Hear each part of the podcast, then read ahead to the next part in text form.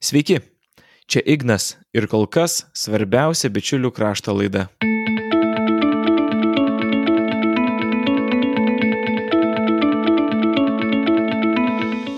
Šiandien vėl kalbinsiu Sigitą Uselį, naująjį Lietuvos bitininkų sąjungos prezidentą ir pagrindinį bičių sveikatingumo ekspertą Lietuvoje. Kalbėsime apie masinius bičių išmirimus ir jų priežastis. Pasirodo, kad masiniai išmirimai visame pasaulyje vyksta dėl paprastų ir aiškių priežasčių. Tai, kas prieš 10-15 metų kėlė didelį nerimą ir buvo apipinta įvairiais mitais, dabar jau ištirta ir žinoma. Taip pat detaliai apkalbėsime bičių gydimą įvairiais preparatais, lizdo ruošimą žiemai bei teisingą bičių maitinimą. Klausykite įdėmiai, o rezultatus matysime kitą metą. Ir dar truputis naujienų. Dabar sekanti laida pasirodys greičiausiai tik rugsėjai. Kaip jums, taip ir man, tiesiog neužtenka laiko pasidaryti vasaros darbus ir dar ruoštis laidas. Laisvą laiką skiriu bičiulių filmavimui o video laidas pamatysite jau rudenį. Norintys, kad su naujaisiais metais šis bičiulių krašto projektas nesibaigtų, paremkite kūrybą per Patreon platformą. Iki naujųjų metų tikrai tęsiu, esu tą pažadėjęs. Na, o ar bus ir kitą metą, priklausys jau nuo jūsų palaikymo. Nuoroda remimui ir mokomasis filmukas, kaip žingsnis po žingsnio atlikti remimą, šio video aprašyme. O dabar visas dėmesys Sigitui. Sveiki, Sigitai. Labas. Praeitą kartą, kai kalbėjom, pristačiau jūs kaip e, Sigitą, e, ilgametį bičiulį, daug žinantį bitininką, daug metų dirbantį bičių sveikatingumo srityje, o dabar galiu pasakyti, kad jūs jau esat ir Lietuvos bitininkų sąjungos prezidentas. Tai čia man asmeniškai yra kiek netikėtas pasikeitimas, aš jo tikrai neprognozavau, kai pirmą kartą kalbėjom, bet labai malonu, kad vėl galiu jūs pakalbinti ir vėl radot laiko, tai labai džiaugiuosi.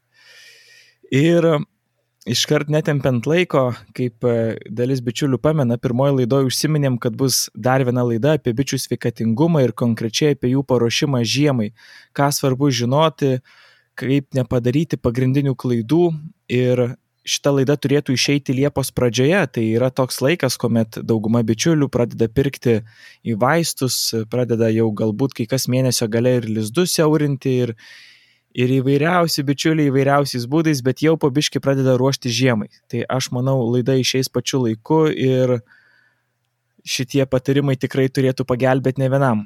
Tai aš galvoju, kad galbūt pradėkime nuo to, atsakykim daugam į klausimą, kuo pavojingos yra varoa erkės. E, ar iš vis jų verta bijoti, nes esu irgi matęs ne vieną bičiulį, kurie sako, negydykim, leiskim bitėms pačioms apsivalyti, atsirinkti, e, tarsi išlaikyti tas bičių rases, kurios pačios apsivalo ir palikim viską gamtai natūraliai. Čia tos chemijos nereikia.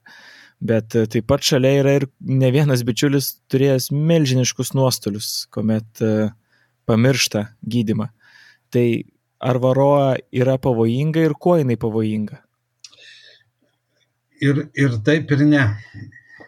Galima taip trumpai atsakyti. Jeigu negydysim varozės lygos, varozės lyga tai yra varoa erkių mm, buvimas bičių šeimoje, egzistavimas. Jeigu negydysim varozės lygos, tai bičių populiacija tikrai neišnyks ir jos gyvens toliau ir nebus jokių problemų joms nu, iš, iš, išsaugoti save, išsaugoti savo populiaciją. Gali išnykti kita populiacija, tai bitininkai. Yra taip, yra gamtoj toks mm, konkretus pavyzdys, tai Černobilio zona.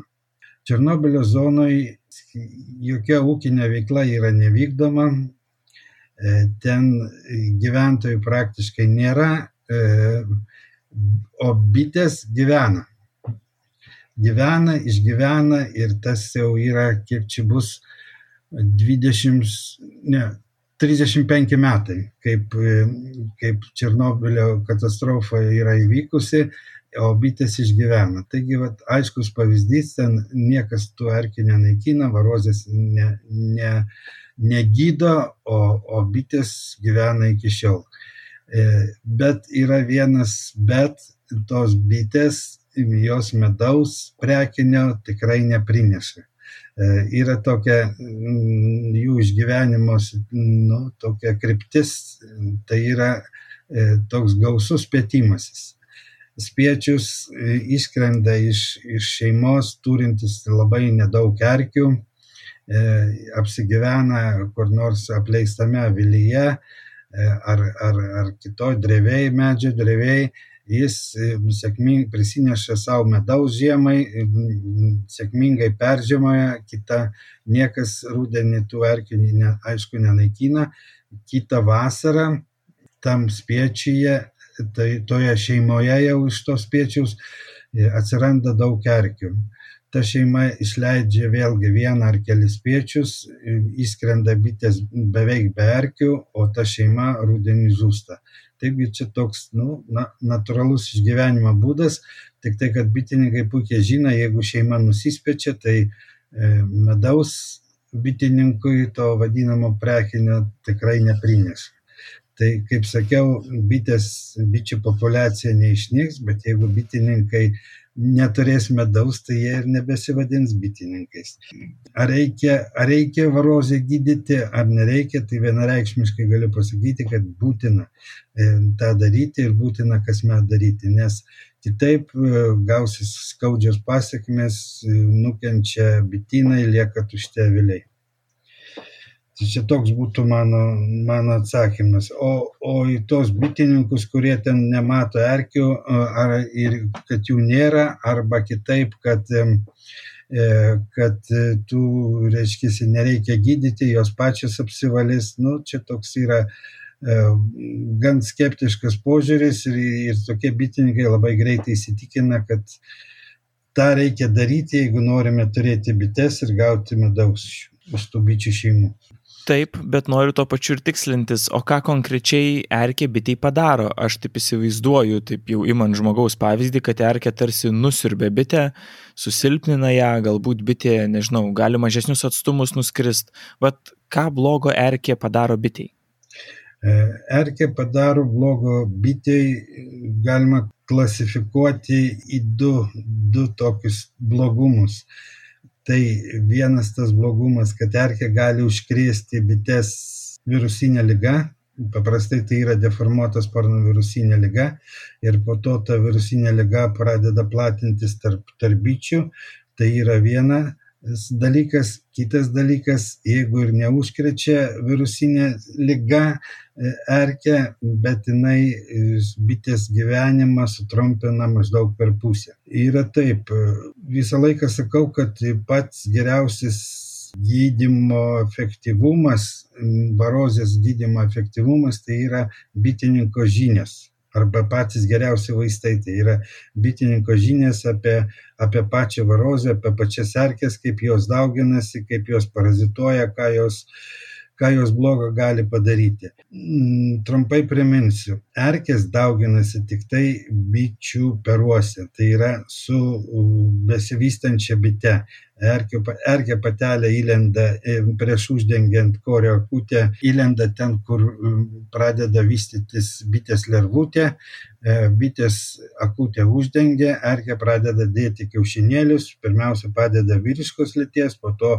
kelis moteriškos lyties kiaušinėlius ir e, ir iš šitų kiaušinėlių iš, iš, išauga naujas erkės, kurios ten tas patinėlis e, apvaisina savo seseris ir išlenda bitė nežūsta besivystindama, e, išlenda jau išsivyščiusi bitė, išlenda kartu ta motina erkė ir bent viena, bent viena apvaisinta ir galinti toliau daugintis erkė. Tai čia yra bičių atveju, o tranų atveju tai išlenda motina patelė e, ir bent dvi, trys dukros, kurios gali da, toliau tęsti dauginimas. E, patinėlis po apvaisinimo žūsta. Esmė tame, kad e, ta erkė ar tos erkės bitei besivystant, jos maitinasi tos bitės hemolimfa arba krauju ir susilpnina bitės imuninę sistemą, gali, gali ta bitė tapti neatspari kitoms visokioms lygoms, e, bet ir jos gyvenimo tokį amžių laikotarpį sutrumpina praktiškai iki pusę. Ką tai reiškia? Tai reiškia tai, kad žiemos bitė, e, kuri turi gyventi, iš, išgyventi šešis mėnesius, paprastai išgyvena tik tai apie tris mėnesius, tai yra iki naujų metų, o vasaros bitė, kuri turėtų nešti medų bent 20 dienų, tai yra 3 savaitės, būti jau nektaro rinkėja, tai tas laikas sutrumpėja per pusę ir jinai bitininkui atidirba vietoj tų 20 dienų, kokių tik tai 10 dienų.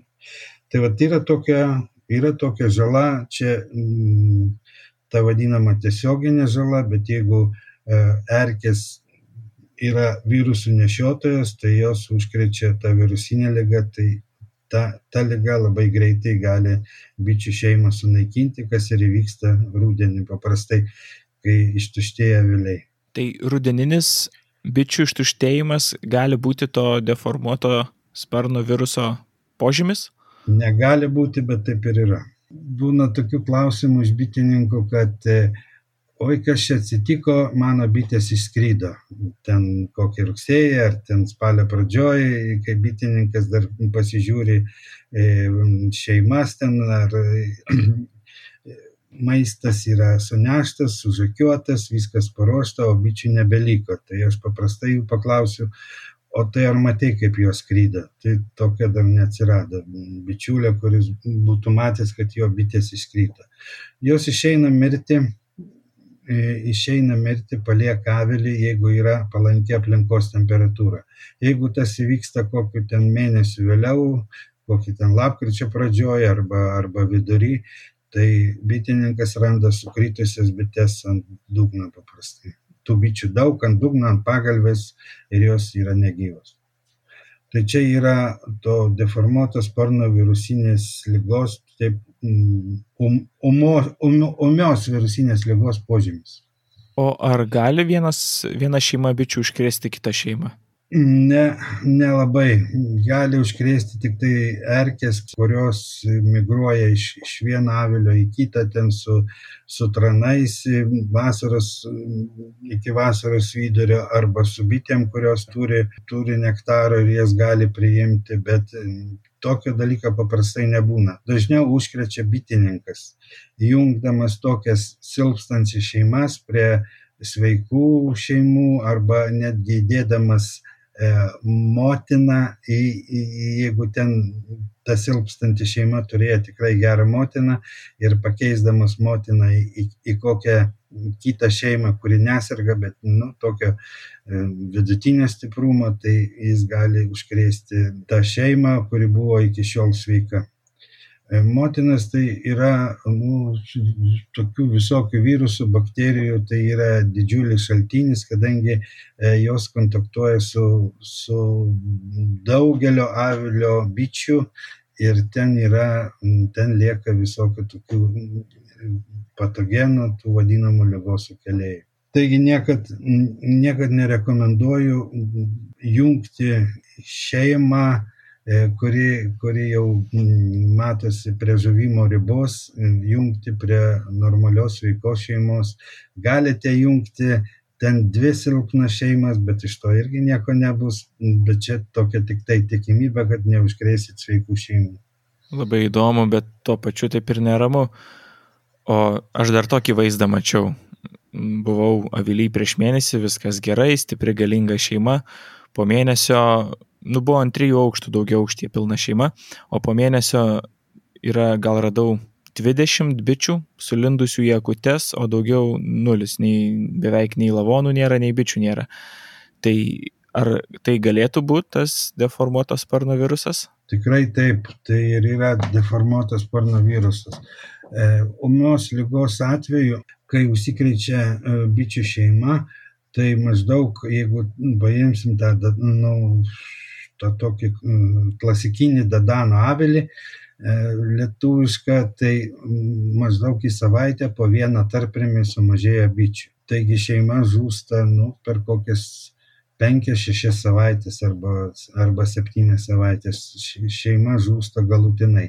Bitininkas randa, kartais taip pasitaiko, kad randa dar e, saują, gerą saują bičių su motina kurios, kurios dar yra gyvos ir žūsta pačios paskutinės. Tai, tai yra todėl, kad tos bitės, kurios yra motinos aplinkoje, jos nedalyvavo maisto perdirbime.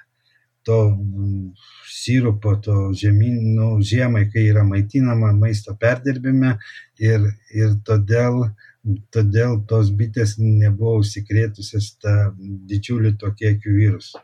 O virusinė lyga išplinta taip.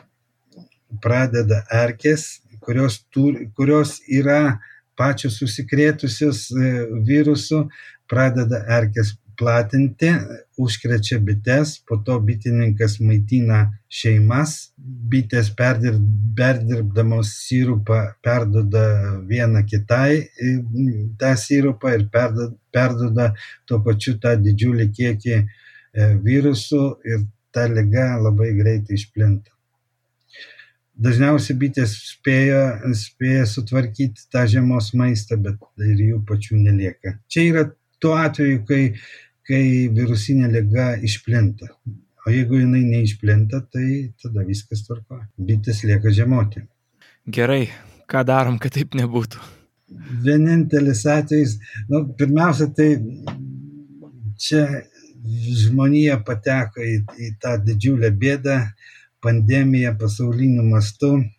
Tai yra, mes patys dabar esam to virusinės pandemijos gniauštose.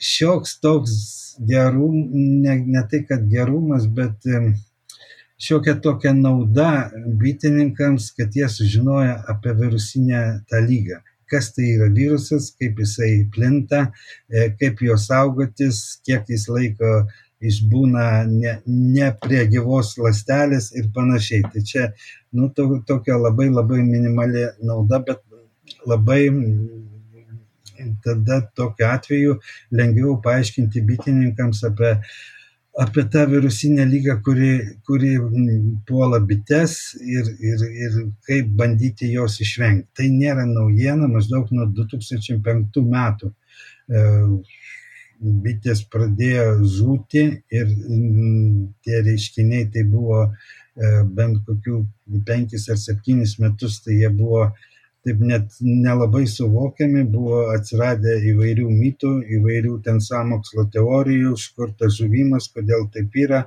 kas taip yra, pakol nebuvo atrasta būtent ta pagrindinė ta žuvimo priežastis. Taigi gamta, gamta bitėms jau, jau, nu, jau kiek čia, 16 metų, bitėms pateikė tokį nemalonų surprizą, pateikė nemalonų surprizą ir, ir paukščiam, tai paukščių gripas, ir, ir šernams, tai yra keulių maras, nu, dabar atėjo žmonėms eilė. Tai dabar kaip įsisaugoti, vėlgi įgavom įgavom patyrimą su savo to COVID, ta virusinė lyga, puikiai žinom, kad jokių tokių įprastų vaistų nėra, yra tik tai skiepai, kurie galbūt gali, gali padėti arba, arba galbūt padės mums, mums apsisaugoti nuo, nuo, tų, nuo tos virusinės lygos, nuo to COVID. -o. Bičių kiekvienos nepaskiepysim ir e, vaistų mm, organizmui nuo, nuo virusinės lygos nėra. Yra tik tai vienas būdas padėti bitėm apsisaugoti, tai yra bitininkas privalo išlaikyti arba taip bitininkauti, kad būtų kuo mažiau erkių bičių šeimoje. O tai jau, jau yra darbas, toks sistemingas darbas, paprastai jis atliekamas rūdienį Taigi čia tik tai tokiu būdu, kad jeigu kuo mažiau erkių, tuo mažesnė tikimybė, kad ta virusinė lyga išplės bičių šeimoje. Vienintelis būdas. Aha, gerai. Dabar turim Liepos pradžią. Tai kada dabar skaičiuojant nuo Liepos pradžios geriausia pradėti gydyti bites ir kaip rekomenduotumėt tai daryti? Šiaip varoarkių naikinimas tai yra neatsiejama bitininkavimo technologijos dalis. Žinoma, norima, nenorima prarasti bičių šeimų. E, tai toks pat netidėliotinas darbas kaip lizdų plėtimas, meduvio uždėjimas, medaus sukimas, šeimų maitinimas žiemą ir panašiai. Pats tinkamiausias laikas tai yra tai atlikti e, būtų vasaro, vasaros pabaiga ir rudens laikotarpiui. Naikinti erkės pavasarį ar vasarą tuo laiku leistiniais būdais taip pat įmanoma, bet tai daugiau gaunasi darbo bei išlaidų sąnaudų, o efektyvumas nedidelis. Šiaip tai nepatariu šios bitininkavimo technologijos dalies labai sureikšminti, bet jokių būdų ir to neužleisti tiesiog reikia apgalvoti ir kruopščiai atlikti tą darbą ir grįžti prie jo po metų. Čia turiu omeny rudens periodą. O apgalvotai tai reiškia kad suprasti esmę kaip išvengti klaidų. O tas esminis dalykas tebelieka tas pats nesusižavėti vienos rūšies naikinimo erkių naikinimo priemone o vykdyti rotaciją kad varroerkės neįgautų atsparumo kada pradėti erkes naikinti, tai yra du variantai.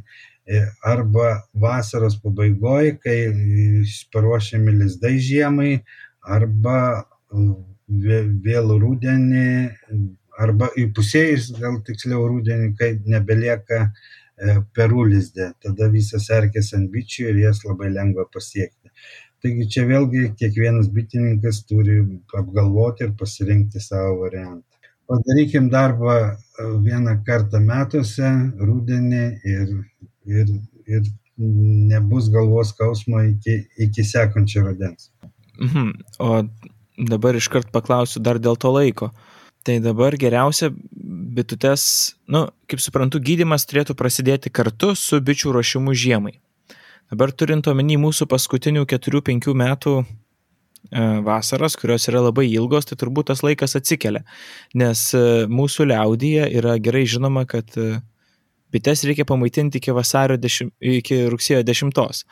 Ir jeigu aš bitininkauju tik savaitgaliais, sakykime, su kokia 50 šeimų, man tas maitinimas bičių būna, kad užtrunka iki 4 savaičių. Tai aš jeigu noriu iki rugsėjo 10 sumaitinti viską, tai žiūrėk, jau rūpiučio pradžioj turiu pradėti uh, savo ir maitinimą, ir gydimą.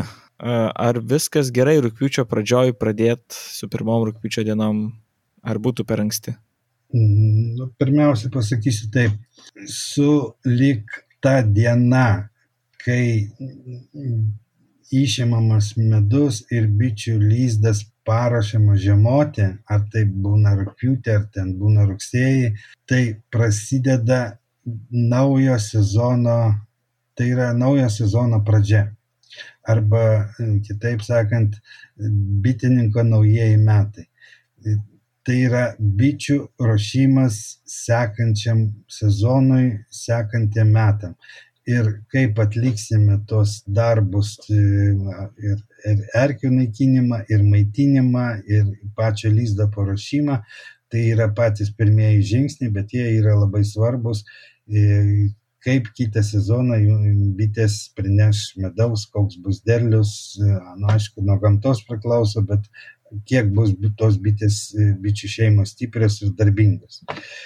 Tai čia toks, nu, toks atskaitos taškas, kalendoriniai metai yra sausio pirmą dieną mums visiems, bet bitininkams tie kalendoriniai ne kalendoriniai, bet naujieji metai arba naujo sezono pradžia yra būtent tuo laiku, kai yra paruošiamas lyzdas e, žiemoti. E, ar tai daryti rūpiučio pradžioj, ar tai daryti rugsėjo pradžioj, čia kiekvieno bitininko vėlgi pasirinkimas, bet išeinant iš to, kad absoliuti dauguma Lietuvos bitininkų išmoko bitininkauti, teoriškai išmoko, taip sakykime, iš krikščiūno bitininkystės knygos, kuri yra, e, kaip Biblija turbūt ir tebelieka tokia, ten yra, yra ir parašyta, kad tas turi būti padaryta viskas iki rugsėjo pradžios. E, jis rašė tą viską teisingai, bet pažiūrėkim, kaip dabar keičiasi klimatas. Gaunasi taip, kad rugsėjais tai dar vasaros mėnuo.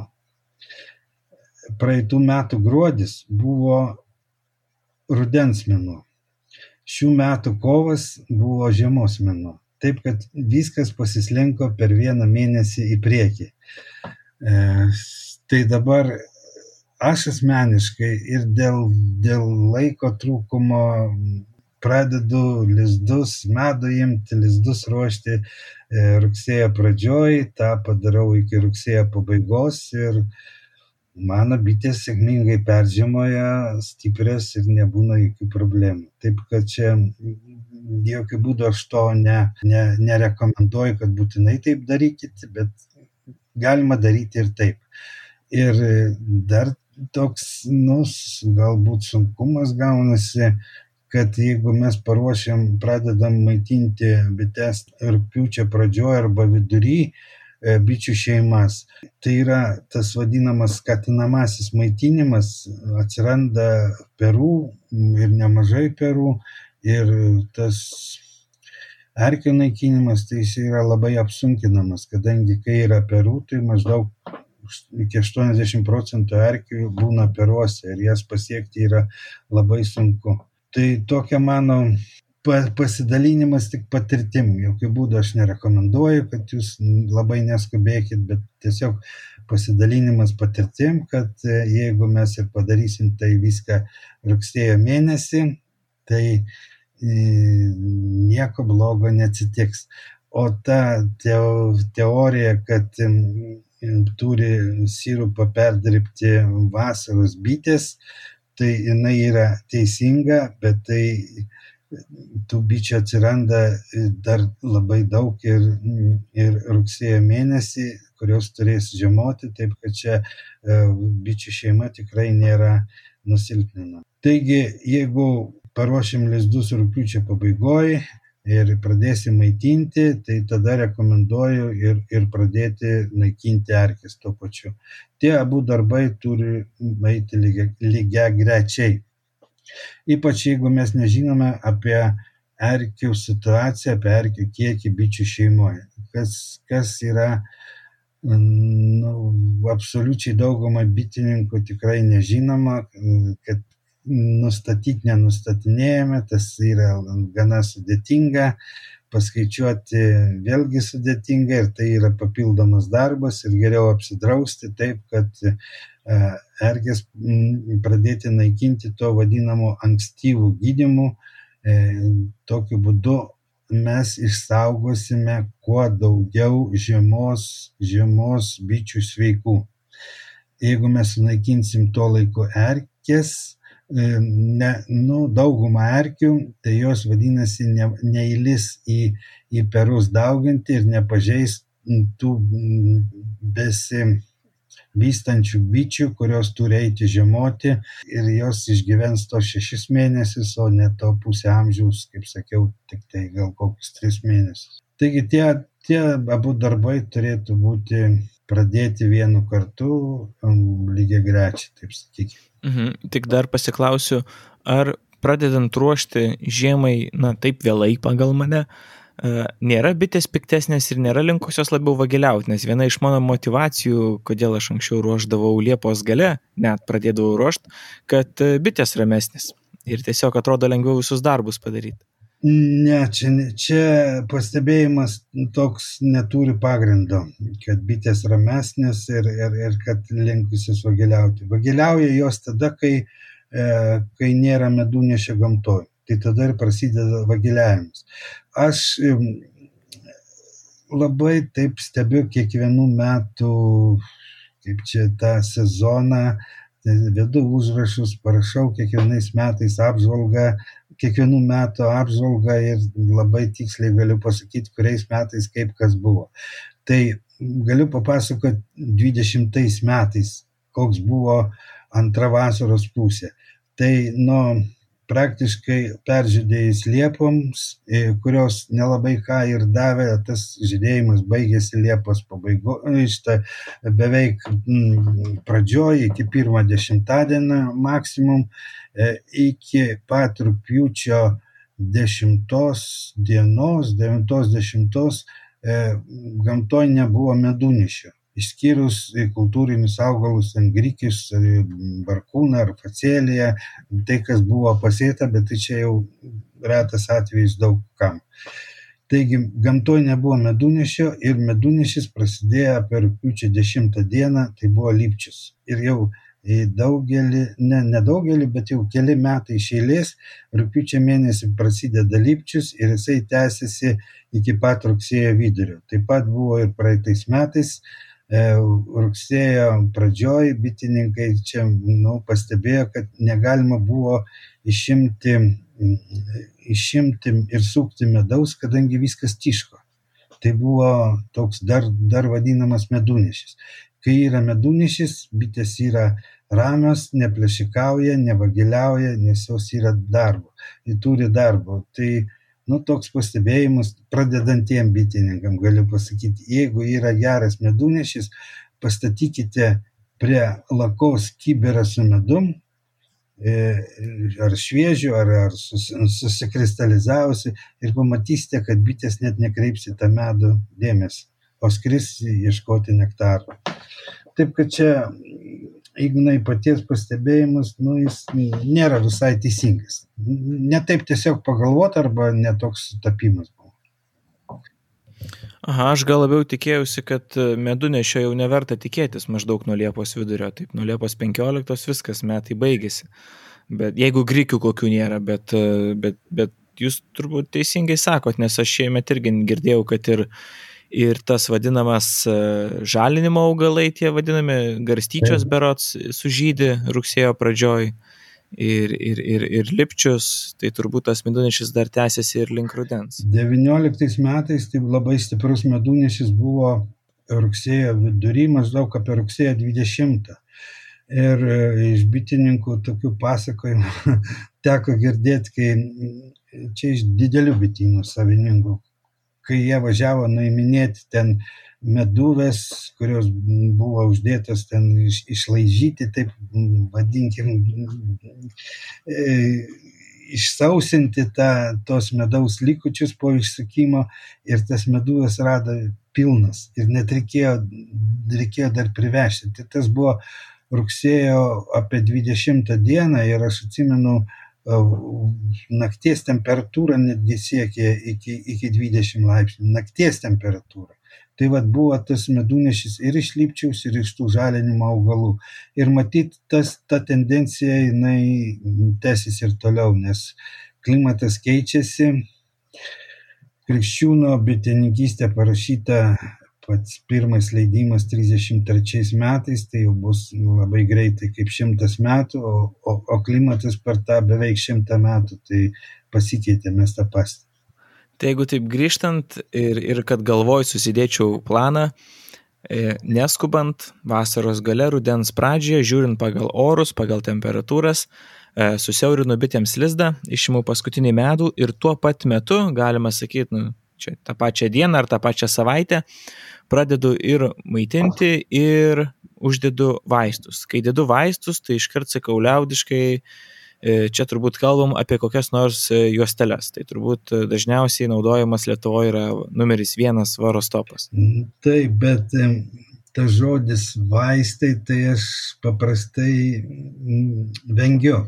Vengiu šito, šito žodžio, šito apibūdinimo ar apibrėžimo. Tai yra veterinarinis preparatas vaistais gydo, gydomi žmonės. Nu, čia irgi varozė yra lyga, jinai gydoma irgi taip, tais vadinamais vaistais, bet čia yra veterinarinis preparatas. Ir čia nu, tokių pastebėjau iš bitininkų nu, pamastymų, kokie čia gali būti vaistai, jeigu čia yra ta, nu, tokia, kaip pasakyti, e, ar ten cheminė, ar ten kokie kiti dalykai, kaip jie gali būti vaistai. Tai taip, kad nu, sakykime, tas erkių naikinimo priemonė. Tai čia toks labai neutralus dalykas.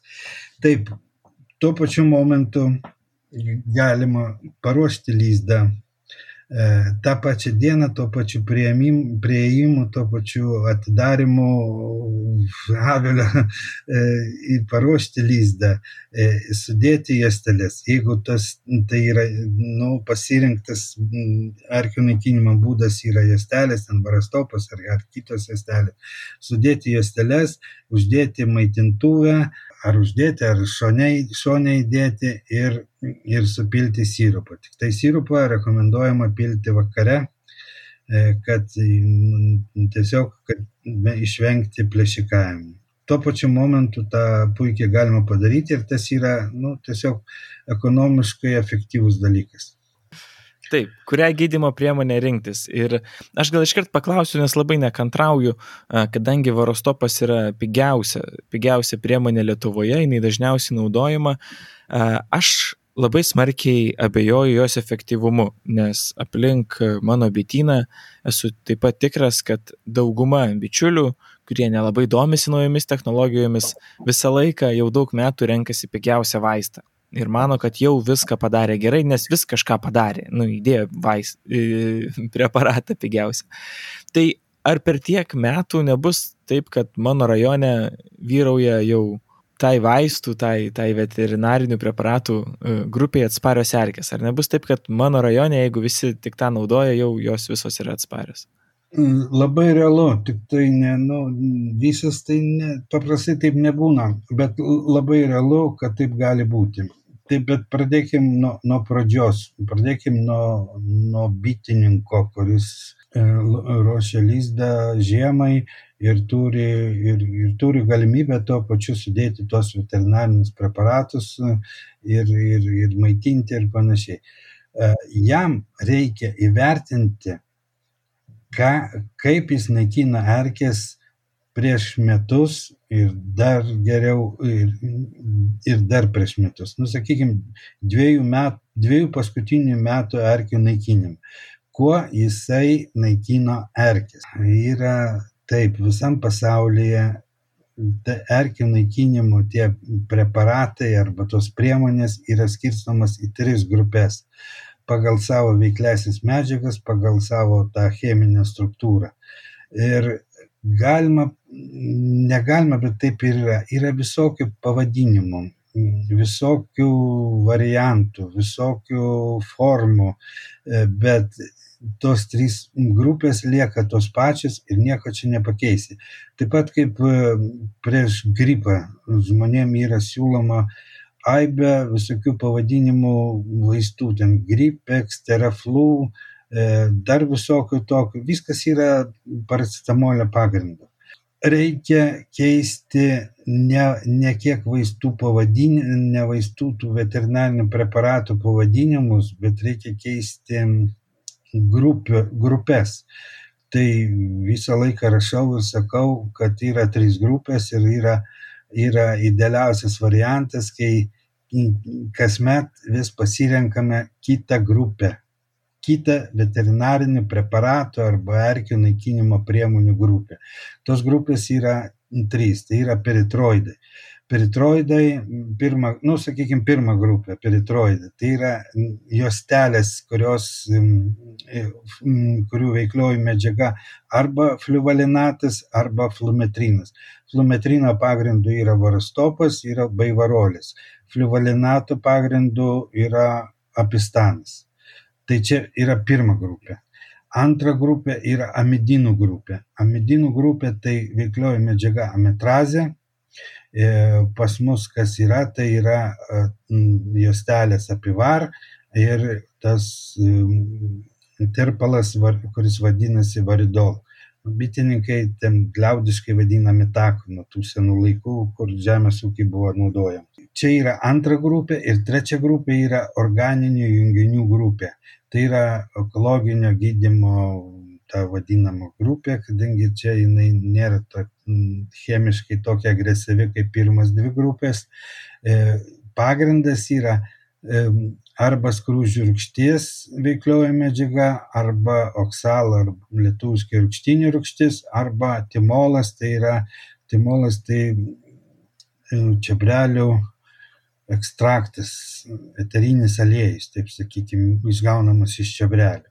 Tai yra trys grupės. Jeigu bitininkas kasmet keis tas naikinimo priemonės vis iš kitos grupės, jokio erkio atsparumo pas jį nebus, nebus problema, nors ten aplinkiniai bitynai gali naudoti tas pačias varostopijas teles daug metų, kur paskui gaunasi jam problemos. E, tai čia toks idealus variantas, kaip aš vadinu, bet aš taip siūlau ir e, bičiuliam ten penkių metų variantą, tai yra, kadangi Lietuvoje populiariausios tos erkių naikinimo priemonės tai yra juostelių pavydalu. pavydalu. Kaip aš vadinu, bitininkai jas labiausiai mėgsta, kadangi tai yra paprasčiausias dalykas, toks, nu, ne, nu nesudėtingas panaudojimas ir tą reiškinį vadinu juostelių sindromu, bitininkų juostelių sindromu. Kartais manęs net paklausia, o kokios juostelės bus kitais metais naujas ne kokie preparatai, ne kokie ten naikinimo priemonės naujas, bet juostelės. Bitininkas įsivaizduoja tai juostelių pavydalu. Nu, tai čia toks kaip humoras gaunasi. To, to pačio populiariausio varastopo atžvilgiu. Grėsmė žūti, nu, turėti nuostolių bitinę iškyla tuomet, jeigu jūs tas vas, e, bitininkai, tai yra e, naudoja tas juosteles kokius 4-5 metus iš eilės. Netgi jeigu, nu, palikdami net kartais ir žiemą. Jie išaugina, neišaugina, bet sudaro galimybės susidaryti atsparioms erkėms. Ir tuom erkiam tie vadinami peritroidai, ta veiklioji, veiklioji medžiaga ten flumetrinas arba, arba juostelių pakeitimas kitų pavadinimų visiškai nieko neduoda. E, ir, ir flumetrinai, ir flivalinatai, erkės atsparios, jos pradeda gaminti tos vadinamus enzimus, tai yra e, tos cheminės, cheminio to nuodo, kas jas kas paralyžiuoja jų nervinę sistemą, tai e, tie enzimai, ar ten jie neutralizuoja tą cheminę medžiagą, kurią bitininkas įdeda, kad, kad sunaikinti erkės. Tai va apie, apie varstopą taip pasakiau, kad susižavėti negalima, e, nes po kelių metų bitinė bus gana dideli nuostoliai. Paprastai taip ir būna bet labai sunku išaiškinti bitininkams, kad taip nedarykit taip, darykit kitaip, nes jis mato gerus rezultatus. Pirmus, antrus, trečius metus, ten gal ir ketvirtus. Jis naudoja tas juosteles, jos yra pigios, paprastos arba ten kinietiškų, kaip prisisiunčia, e, tai viskas atrodo gerai, va, tą žiemą peržiemoja, viskas gerai, vadinasi, vaistai ten tie veterinariniai preparatai suveikia, o iš tikrųjų tai čia yra uždėlsto veikimo bomba, kuri po dviejų, trijų metų padaro taip, kad didelis kiekis erkių vasaros antroj pusėj sunaikina bites, net ir nespėjus ten sudėti tų įsigytų tų erkių naikinimo priemonių, net ir pačių brangiausių. Kiek teko tų pavyzdžių man e, per, per tos paskutinius dešimt metų išgirsti ir žinoti, paprastai iš didelių bitynų, nes mažų bitynų savininkai, tai kaip pasakyti, praryja tą piliulę, atstato greitai ten per vis kitais metais per spiečius visokius ir vėl, vėl toliau bitynas užsipildo. O, o didesnių bitynų savininkams tai tai jau yra didžiulis nuostolis, tai yra pajamų šaltinis ir atstatyti bityną netaip, netaip paprasta būna. Tarkim, jau birželio pradžioj pamato negerus tokius požymius, tai tada perka tą patį brangiausią preparatą, kuris yra skrūdžių rūgšties pagrindu, tą Kanados gamybos tą maksą, kad išgelbėti bites, nu, būna taip, kad išgelbėjo, bet tai, ką sutaupo per kelis metus, kelių metų bėgėje, ten po, po kokį ten pusantrą euro bičių šeimai, tai jie išleidžia labai greitai ir, ir dar su tokia rizika, kad vis tiek, vis tiek tas, tas preparatas gali neišgelbėti. Nu, verta neprisirišti prie vieno preparato ir aš vėl imsiu kaip pavyzdį varostopą. Tai gerai, aš sakykim, nors taip nėra, bet, bet sakykim, kad aš esu bičiulis, kuris visą laiką gydžiau varostopų, tai turbūt lengviausias variantas iš šitos peritroidų grupės man pereiti į sekančias juosteles, nes, kaip sakėt, juostelių sindromas Lietuvoje yra gyvas ir turbūt antri žinomiausi vaistai yra apivaras. Ir, ir čia viskas yra teisinga turbūt pereiti iš varostopo į apivarą.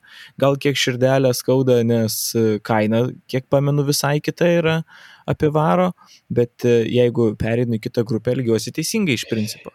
Teisingai, bet čia yra dar vėlgi toks už, už, už, užslėpta ta uždėlsta veikimo bomba, tik tai gal il, ilgiau uždėlsta veikimo bomba. Tas, ta amitrazės pagrindo apivaras yra, varidol vaistai, tas nu, preparatas irgi amitrazės pagrindo ir bitininkai yra, kaip pasakyti, Lietuvoj ta mitrazė naudojama nuo pat erkių atsiradimo pradžios, tai jau virš 40 metų.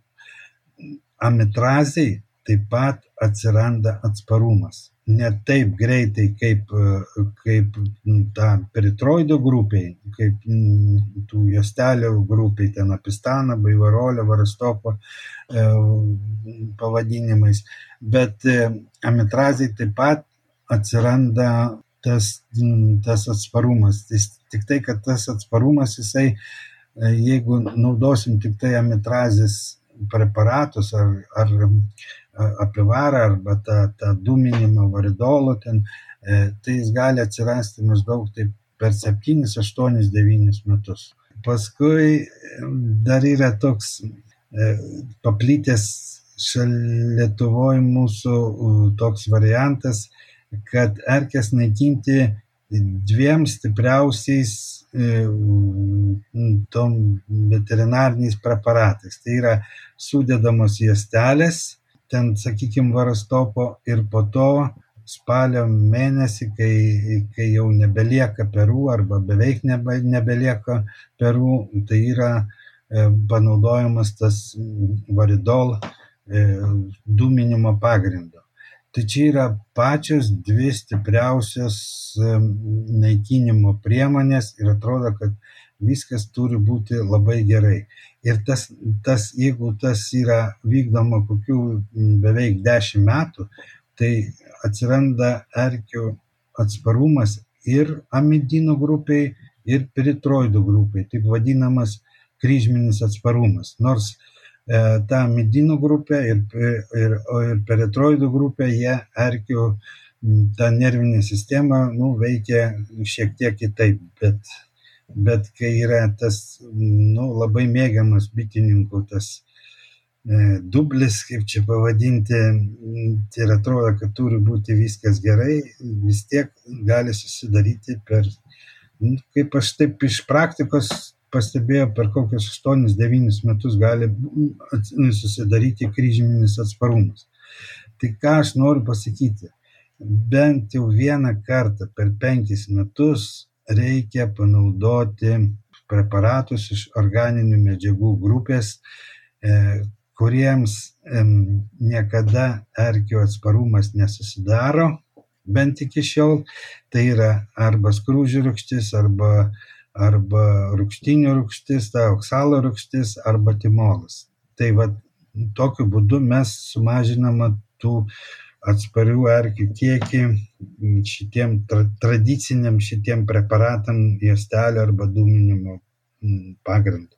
Bet aš esu pastebėjęs, kad e, tie organinių rūkščių pagrindo veterinariniai preparatai, jie turi nemažai mitų aplink save ir bičiuliai nebūtinai rinksis juos, na, nebūtinai jų vengia todėl, kad e, jie yra brangesni, bet dar ir todėl, kad neaišku, kaip juos naudot, visiškai neaiškus panaudojimo būdas, e, jie ne juostelė, ne juostelių formoje yra.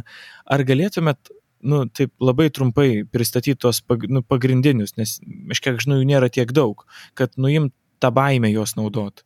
Taip, pradėkim pagal tos mm, varozės gydimo periodus. Tai yra arba ankstyvas e, periodas, tai yra iš karto po lizdo suformavimo, arba vėlyvas periodas, tai yra tada, kai jau nebėra perų ir lieka bičių maždaug tiek, kiek turi žiemoti. Tai yra vasaros bitės jau yra išėjusios iš avilio mirti. Tai ankstyvam tam erkių naikinimui tinka dvi, dviejų, kaip čia, veikliųjų medžiagų pagrindų padaryta.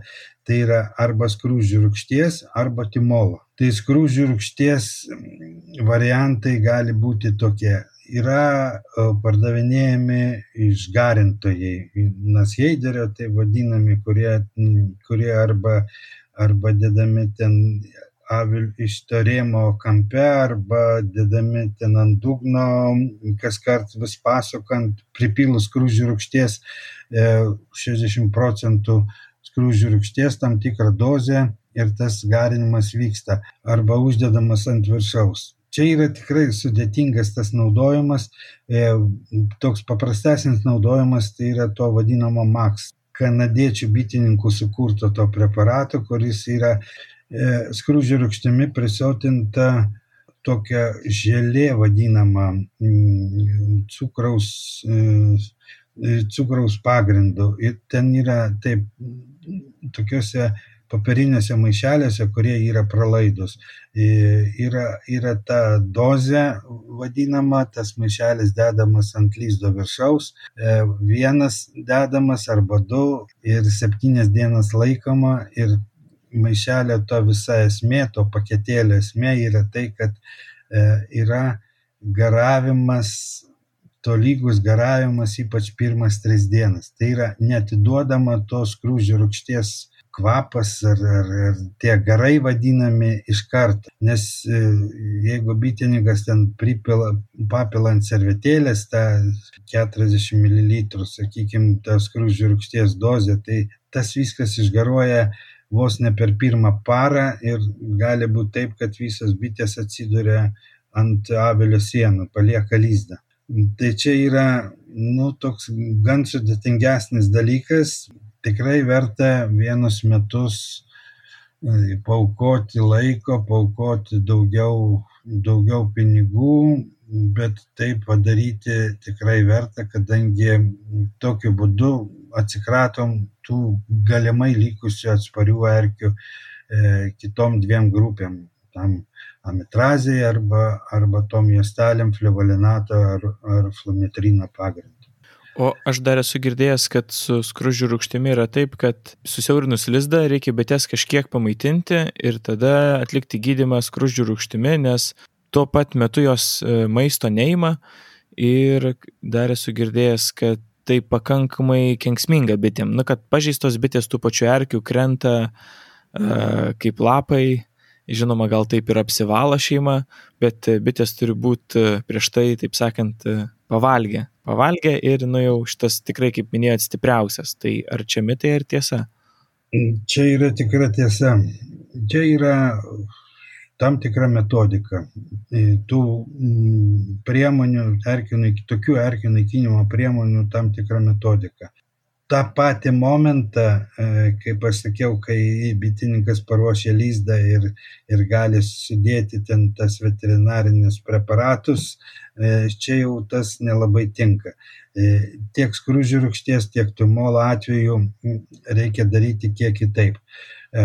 Paruošiam lizdą ir sumaitinam sumaitinam žiemai skirto maisto maždaug trečdalį sumaitinam, tada dedam tos veterinarinius preparatus ar vienokius ar kitokius, išlaikom ten e, savaitę ar dešimt dienų, tada vėl atliekam maitinimą, e, tada vėl atliekam antrą, antrą erkių naikinimą.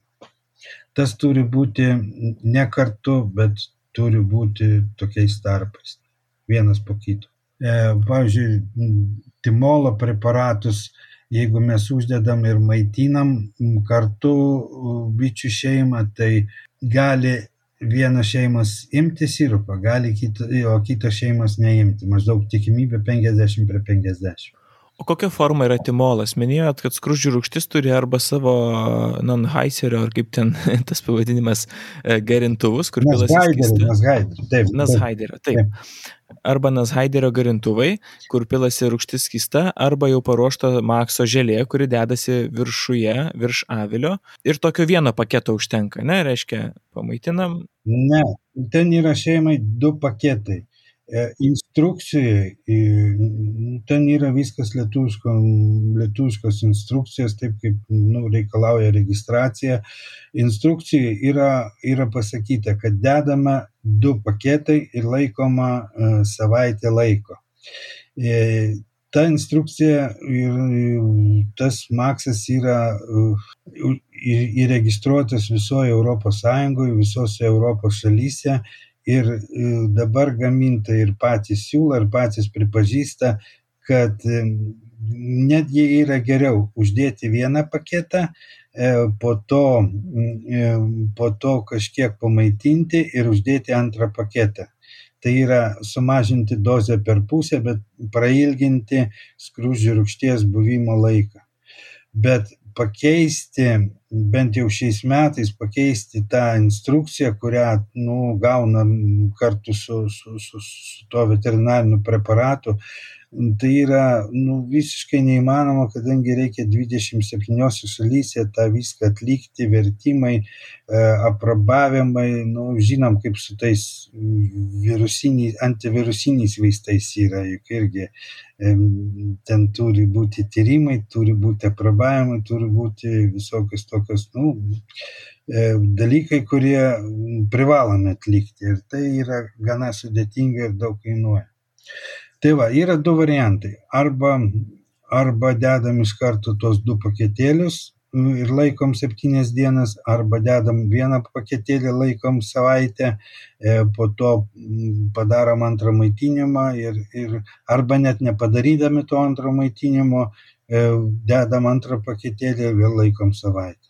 Nu va, labai naudinga informacija, ačiū, kad pasidalinot.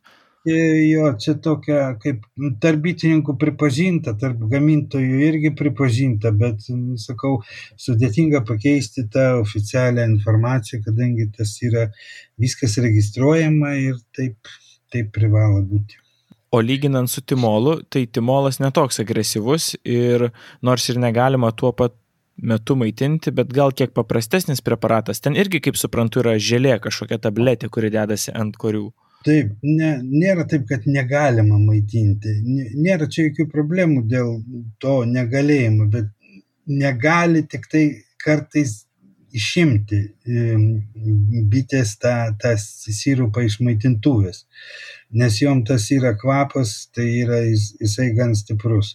Ir timolas veikia, vėlgi erkės veikia ne, ne, ne tokio kontaktiniu būdu, kad e, pakliūtų, sakykime, kaip amidino arba peritroidų grupės e, tų preparatų atveju, kad turi, turi pakliūti mikrodalelytę erkiai, o čia veikia per garavimą, per kvapus, per nu, kvepavimo sistemą. Taigi turi pasklysti kvapas lizde, šeimos lizde ir kuo tas stipresnis kvapas, tuo, tuo didesnė tikimybė, kad bus sunaikinta erkės. O, o pats maitinimas, tai dėl to kvapo, jeigu jis kartais ir labai stiprus gaunasi, toks koncentruotas, tai bitės gali neimti sirupą. Bet tai, bet tai nėra tas, nu, kad negalima, Nereko, nerekomenduojama. Yra toks paprastas variantas.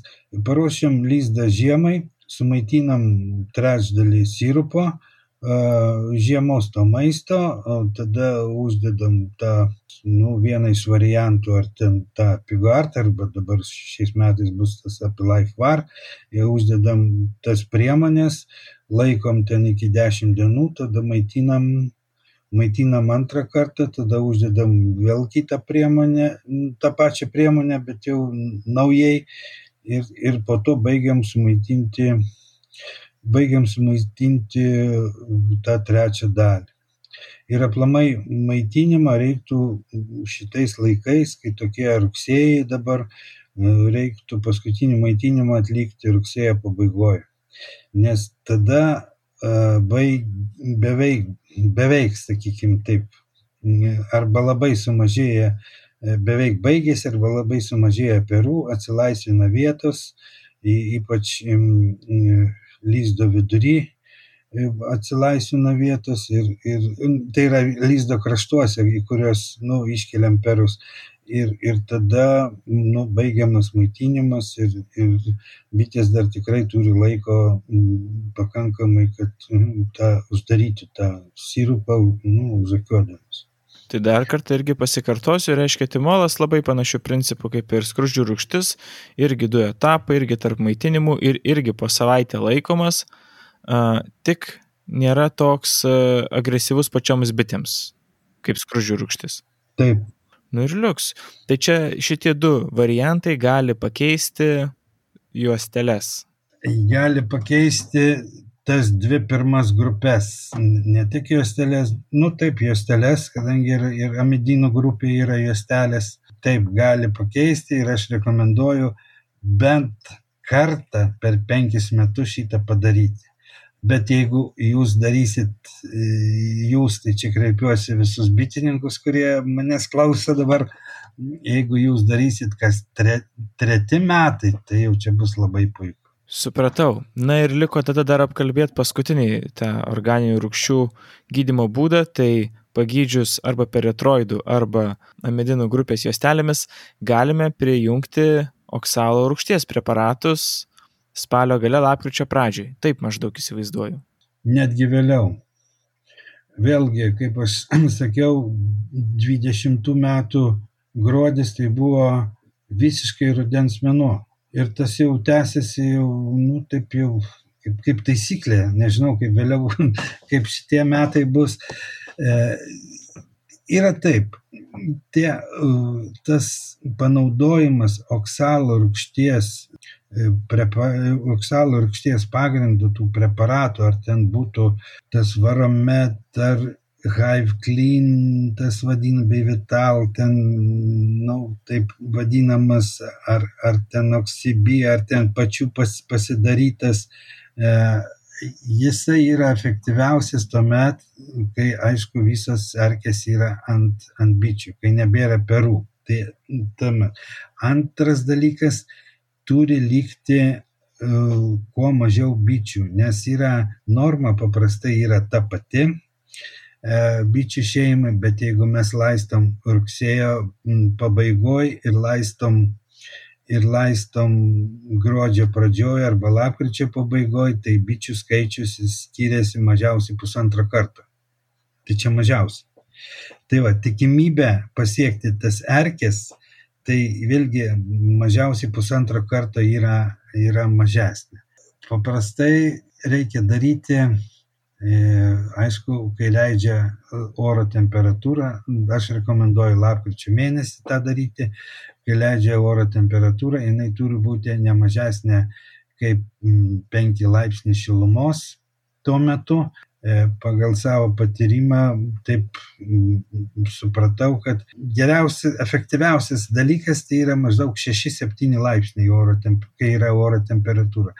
Tuomet e, bitės ne, nekyla į viršų, ne, nešoksta skraidyti, o atidarius lyzdo viršų, ar ten plevelė uždengtas, ar ten lubelėm, ar skirtukais, ar vėl kaip kitaip atidarius lyzdo viršų, jos jau būna pasispaudę į kamolį ir labai greitai galima sulaistyti tuo kiekiu, kurio, kuris yra rekomenduojamas ir jokių būdų nepadauginti. Nes yra taip, kad e, bitė savo gyvenime oksalo rūgšties tirpalo dozę turi gauti tik tai vieną kartą. Antraip e, yra sugadinamas jos virškinamojo trakto, ta vadinama sugadinama mikroflora ir tokios bičių šeimos, jos pavasario sulaukia silpnos. Tiesiog tos bitės, kurios gauna daugiau tos oksalo rūgšties, jos neišgyvena, jos per žiemą žūna, iš, išgyvena tik tai arba mažai gavę, arba visai negavę tos oksalo rūgšties ir, ir šeimos pavasarį sulaukęs silpnas. Tai čia yra to padauginimo atveju. Ar tai daryti, ar nedaryti, čia toks yra nu, didžiulis klaustukas. E, to antro arba to vėlyvo gydimo, arba pakartotino to gydimo. E, man taip gavosi, kad aš fiksuoju visus tos gydimo rezultatus jau, jau, jau dešimt metų, viską labai skrupulingai suskaičiuoju, viską, viską fiksuoju, viską užsirašau. Ir pamatai, kad palaistis tą oksalo rūgšties tirpalų, iškrenta tik tai kelios erkės arba, arba nulis. Netgi neiškrenta tų, tų erkių. Ir tada supranti, kad tas darbas, nu, gavosi veltui.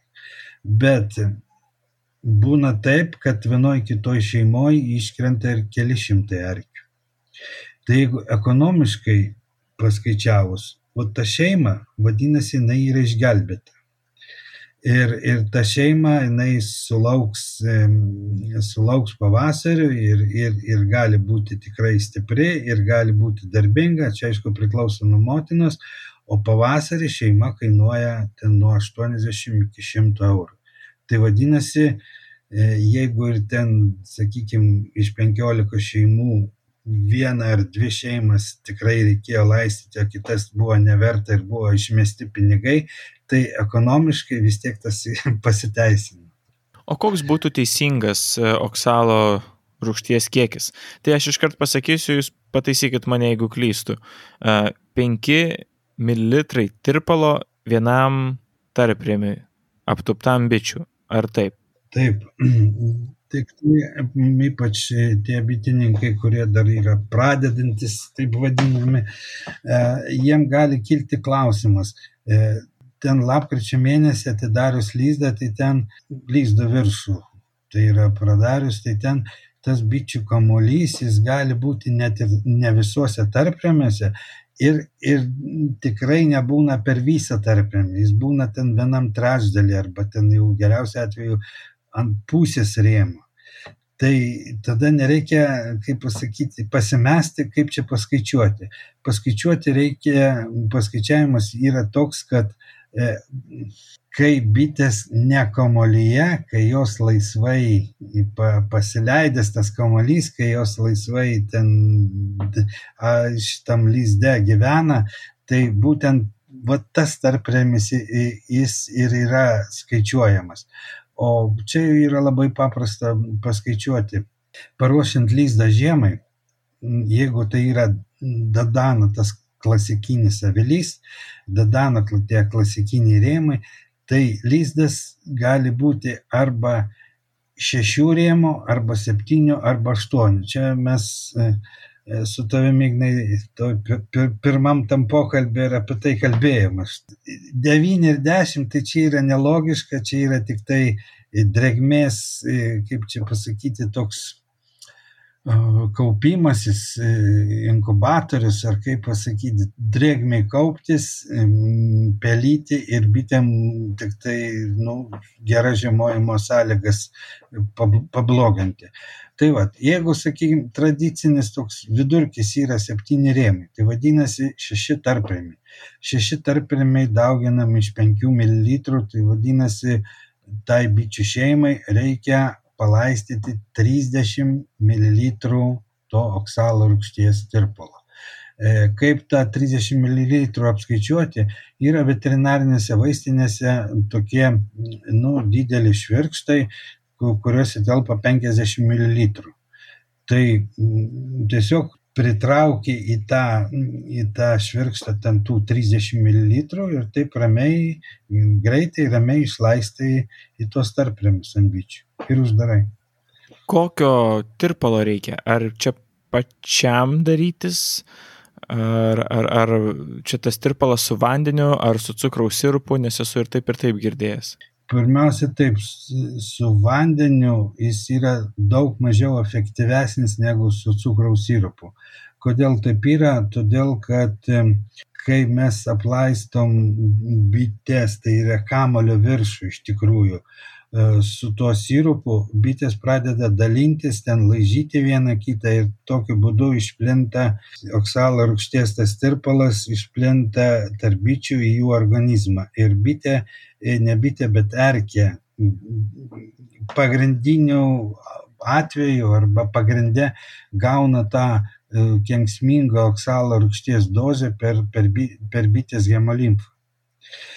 Tai yra taip, jeigu mes sulaisysim vandeninį tirpalų, bitės taip nesidalins, jisai greičiau ten išgaruos išdžius dėl, dėl to avilio šilumos, e, negu kad tas cukraus sirupo pagrindu padarytas tirpalas, kurį bitės dalinasi net kaip maistą. Tai čia vienas dalykas. Dabar tie tie visi veterinariniai preparatai, kurie yra paruošti naudojimui, jie yra, aišku, daug, daug brangesni negu kad bitininkas pats pasidarys. Ten yra pridėta priedų. Yra pridėta ar glicerino, ar, ar tų dar visokių mentolo, eukalipto aliejų, nu, ar, ar ten kokių nors tokių medžiagų, kad bitėm kuo labiau patiktų, kad būtų kuo didesnis lipnumas, e, priliptų ten tas e, e, skystis, tas tirpalas prie bitės kūno, ne taip greitai ten nubėgtų ar, ar, ar, ar išgaruotų, ar, ar nuvarvėtų. Tai tokiu būdu pra, prailginamas to tirpalo buvimo laikas pačioj bičių, bičių šeimoje, pačiam, pačiam bičių lizde. Už tai ir skiriasi kaina bet esmė esmė yra tokia kad kuo labiau išplystų tas e, oksalo rūgšties pagrindu padarytas tirpalas kuo labiau iš iš išplystų tarp bičių tarp tarp mm, tos to kamuolio bičių ir tokiu būdu didesnė tikimybė yra pasiekti erkes. Kuo labiau ir kuo ilgiau jis būtų, taip sakykime. Supratau. O procentuotė berots mes esam kalbėję ir su Diana Tamašauskinė, jinai minėjo, kad būtų teisinga, jeigu pats daraisi 3,4 e, procento oksalo rūgštis. 3,2-3,4 procentą. Tai yra toks, nu, taip jau viso pasaulio, taip jau mm, pripažintas šitas, šitas, šita koncentracija, kad jinai yra efektyviausia. Na ir puiku, tai gaunasi mes e, apkalbėjom, kaip kodėl reikalinga gydyti, kuo gydyti, kaip gydyti. Jūs užsiminėt dar kartą ir apie lizdo dydį, tai aš turiu tik patį paskutinį klausimą, tokį pačiai pabaigai, dar kartą. Tai kiekgi sirupo reikia bitėms prieš žiemą, kiek maisto joms reikia palikti ir kiek sirupo primaitinti? Kiek sirupo primaitinti, tai turi bitininkas skaičiuoti. E, lengviau, nu, ar teisingiau atsakyti, kiek maisto palikti. Normaliai šeimai turi būti, normaliai, sakau, šeimai, kurią paliekam ten septynių rėmų, turi būti 21-23 kg maisto. Maistą skaičiuojam taip, kiek jo lieka, kiek jo lieka tose rėmose, kur paliekam mm, ten, kur paprastai dar yra perų ir paliekam medaus, tai yra, e, sakykime, ten 5 ar 6 kg, pavyzdžiui, to medaus lieka, e, tada atimam iš, iš 22 arba 20, aš skaičiuoju vienam didžiajam tam dadano lyzdui 3 kg ir niekada neteko apsirikti dėl to. Net ir šiais metais, kai jau buvo, nu, taip, sakykime, čia daug bitynų ant bado ribos turbūt atsidūrė. Tai, va, tai at, atimam iš to 21 kg, atimam, sakykime, to 6 kg medaus ir mums reikia sumaitinti žiemos maisto 15, jo, 15 kg. Dabar vėlgi tai gali būti cukraus sirupas arba gali būti invertuotas sirupas. Jų lyginamoji vertė ar ver, ne vertė čia būtų, lyginamasis svoris skiriasi. Jeigu mes pasidarom cukraus sirupą 3 prie 2, tai vienas litras yra vienas kilogramas maisto. Jeigu mes maitinam invertuotą sirupą, tai vienas litras yra 1,4 kg maisto. Tai yra 10 litrų kibiras, tai yra paprastai 14, gal ten kartais ir 15 supila, nežinau, e, to, tų kilogramų to žiemos maisto. Taip yra. Reikia skaičiuoti, kad, nemažiau, kad būtų ne mažiau 3 kg vienam rėmui. Ir tikrai neverta e, maitinti bites, bičių šeimą iki tiek, kiek jos ims tai yra nu, nuostolis, gal dvigubas nuostolis. Tai yra iš vienos pusės, kad tai, kas lieka neišimta, tai turim išpilti arba surūksta tuose maitintuvėse, iš, iš kitos pusės bereikalo alinam, alinam bites. Žinau, kad nu, dalis bitininkų taip sako, nu, čia ir iš meilės gal iš tokios, kad čia duodu bitėm tiek, kiek jos paima. Tai čia, nu, logiškiau yra paimti, paskaičiuoti ir tą darbą padaryti ir pamiršti. Supratau, man atrodo, suprato ir visi klausantis. Ar dar turit kažką, nes aš žinokit, jau klausimų neturiu, man atrodo, viskas labai labai aišku toks dalykas būna labai kažkaip skaudu ir pikta, kai bitininkai pradeda daryti racionalizaciją arba išradinėti erkių naikinimo srityje. Taip yra, kad bitininkavimas tai yra ne vien tas bičių produktų, kaip pasakyti, kiekio siekimas, tai yra aišku, ir ta psichologinė atgaiva, ir daliai bitininkų neatsiejamas dalykas tai daryti visokius racionalizacijas, patobulinimus, išradimus ten ir panašiai. Kaip mes pirmam pokalbiui abu Ignai kalbėjom, tai tas vadinamas adrenalinas, jisai stipriai veikia. E, ir, ir bitininkystėje tuo pačiu. Aš kaip, na, nu, visą laiką sakau, darykit mm, įvairius ten tos patobulinimus ar, ar, ar įvairius tos išradimus ar eksperimentus, gal geriausia taip, visose srityse ten.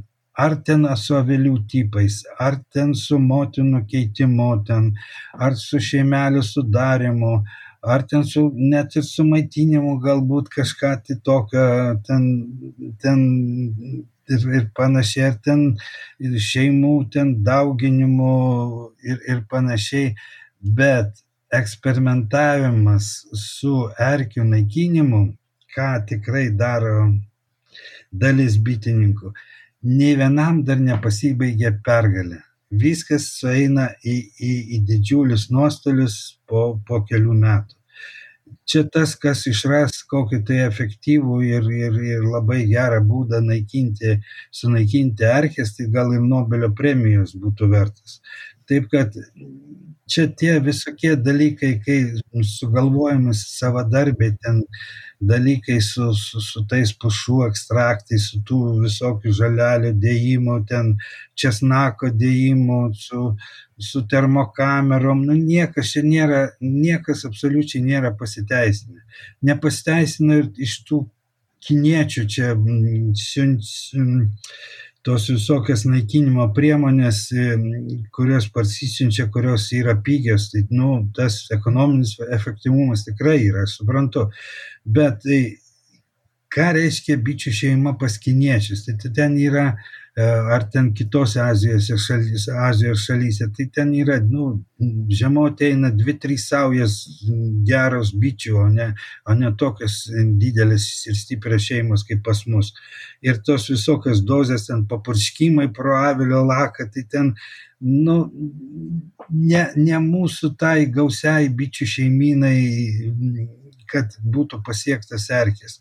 Ir gaunasi taip, kad tie visokie eksperimentavimai, jie net ne tą patį rudenį ir ne tą pačią žiemą ir netgi net ne kitą rudenį pasimato, kad čia buvo nesąmonė, bet jie pasimato po, po, po kokių dviejų nu, ar gal trijų metų, kai, kai žūsta bitinas, ypač kai didelis bitinas, tai tada, tada nu, kaip pasakyti, pasiekmes skaudžios Ir, ir, ir, ir, nu, kažkaip ir man pačiam būna pikta, nepikta, bet, nu, kodėl tas, tas bitininkas neklausė.